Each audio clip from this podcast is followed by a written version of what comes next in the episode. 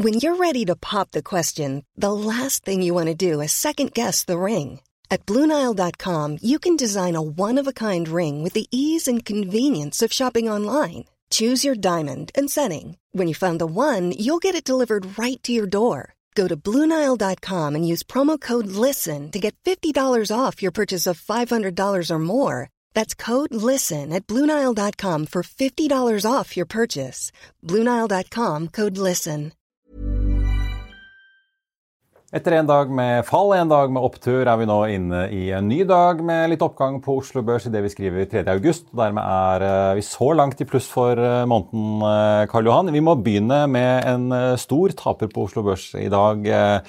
For mens resten av oljeaksjene ligger og vaker rundt null, så er Noreco, Norwegian Energy Company, som det jo egentlig heter fullt ut, ned rundt 16-17% i dag på nyheter fra dansk sokkel.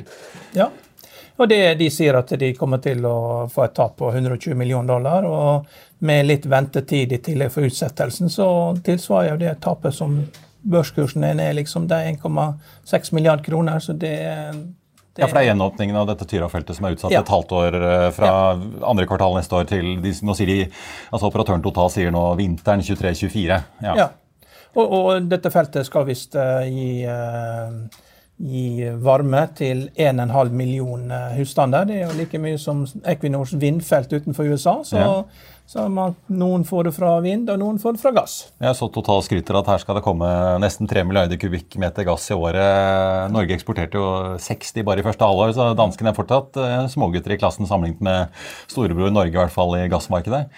Jo da, men eh, det, det er fortsatt det alle måneder drar. Ja. Vi får se hvordan det går med Tyra-utbyggingen og med denne siste plattformen fra Indonesia og McDermott-verftet kommer i tidlig september, som de sier at den skal. Vi må svinge innom luftfarten. Eh, vi snakket jo i går om eh, alle trafikktallene som kommer utover uken, inkludert da SAS sine på fredag. Men i natt så har SAS kommet med litt nye tall. De har jo søkt Chatter 11 konkursbeskyttelse i USA. Er det noe nytt i disse tallene som SAS har kommet med veldig tidlig på morgenen hvis man er en, et A-menneske? Det, eh, det, var veldig få tall, fem-seks tall. og Det viktigste er jo at uh, eiendelen er eh, større enn gjelden i bokført verdi, og at det bekrefter at de har 7 milliarder i kontanter. og det, det var en veldig kort melding. og dette her er, ja, det bare begynnelsen på, en, på, på, dette her. Ja, Nå har jo SAS sagt at denne prosessen i USA kan løpe godt ut i neste år. Men det at de har eiendeler på 60 milliarder svenske og forpliktelser på noen og 58, er det overraskende ja. at eh, de endte på den siden av streken? Jeg vet ikke. Det er, eh, det er, eh, ja, det er ingen overraskelse at det ser sånn ut i det bokførte, men det er klart problemet er jo at de det er for lav etterspørsel etter langdistansefly, og da taper man penger. og Når man da i tillegg klarer å rote til sommersesongen, som faktisk er den sesongen man tjener mest penger på fly eh, både i Norge og USA, så har man gjort det vanskelig for seg sjøl. Så eh, det skal ikke være lett. Nei. Vi får uh, se når SAS eventuelt kommer med mer info. Det vi i hvert fall vet, er at kvartalsrapporten fra SAS eh, for deres tredje kvartal den kommer 26.8. Og så tenkte jeg, Karl Johan, vi må jo også innom uh, litt det som uh, skjedde på tampen av børsdagen i går i USA. For det var jo et lass av kvartalsrapporter som ble sluppet utover kveldstimene. Jeg så bl.a. at Cicers Entertainment, dette kasinokonsernet, meldte om voldsomt gode tider i Las Vegas om dagen, selv om det fortsatt har vært mye stengt og man sliter litt i Kina. Men du har jo sett på noen av de andre rapportene også? Ja, men, men Cæsar legger til at de, de, sa jo også det at de hadde satt av å bruke 1-1,5 milliard dollar og digitalisere bettingvirksomheten sin.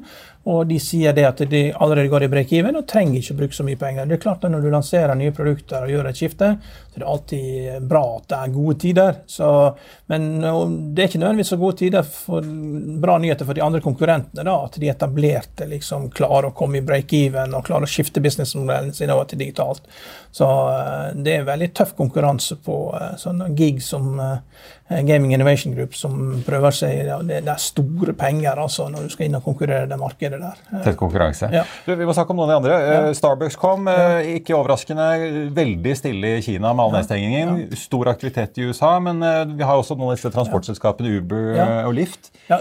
Uber er spennende. Det er første gang det er cashflow, det andre kvartal er cashflow positivt, men nå virkelig er størrelse på det. 400 millioner dollar, aksjen opp 19% og Lyft, som bare holder, til, holder på med passasjertransport, opp 16% Så dette er jo et signifikant skifte. Uber holder jo også på med leveranser av mat og en del andre tilleggstjenester. Så det er eh, helt klart et signifikant løft. Men på den andre siden så har du Match.com, som er ned 23 De sier det er veldig vanskelig å rekruttere nye medlemmer til datingsider for tiden. Så. Folk skal ut på barer og utesteder og ja, kasinoer i Las Vegas, tydeligvis? Kanskje det, noen, ja. det eneste som biter nå, det er inflasjonen. Ja. Det er vanskelig å få andre bit her, tydeligvis. Eh, og så får vi jo også eh, kanskje nevne på, på tampen her Det pågår jo en, eh, en stor kamp i, om disse kronene vi skal bruke gjennom alle disse betalingstjenestene. Vi så jo Klarna litt tidligere i år var ute og skulle ja. ene var jo verdsettelsen var ned ganske kraftig, men de driver jo også og kutter litt i bemanningen. Nå var PayPal ute. De har fått seg en uh, solid uh, aktør inne på eierfronten, får vi vel si? Ja, det er Elliot, og de er uh, dead serious, altså. Så det er, noe av det tøffeste du kan bli utsatt for. Altså, det var jo de som holdt ventet lengst på å få igjen penger fra Argentina også, så de er veldig tøffe. Og jeg tror de har også ja, de har kommet, skiftet litt ut i management og lagt om strategien. Ja. ja. så det er, det er liksom man, man, kaller det fintech, da, men det, det, det, er kanskje ikke så mye teknologi i dette. Det er rett og slett eh, markedsføring det handler om. Vi får i hvert fall uh, følge med. og Det er jo åpenbart at en av de gamle kjenningene i bransjen, altså PayPal som vi har hatt med oss siden uh, ja, det er vel rundt tusenårsskiftet, fortsatt holder koken av seg. Mer finansstoff det får du som alltid på FA.no. Økonominyhetene har sommerferie, men det har ikke denne podkast-feeden. Hver dag kommer det aksjeanalyser Eh, aksjekommentarer og intervjuer med kjente personer fra norsk næringsliv. Så det er eh, ingen grunn til å legge vekk denne podkasten i sommer.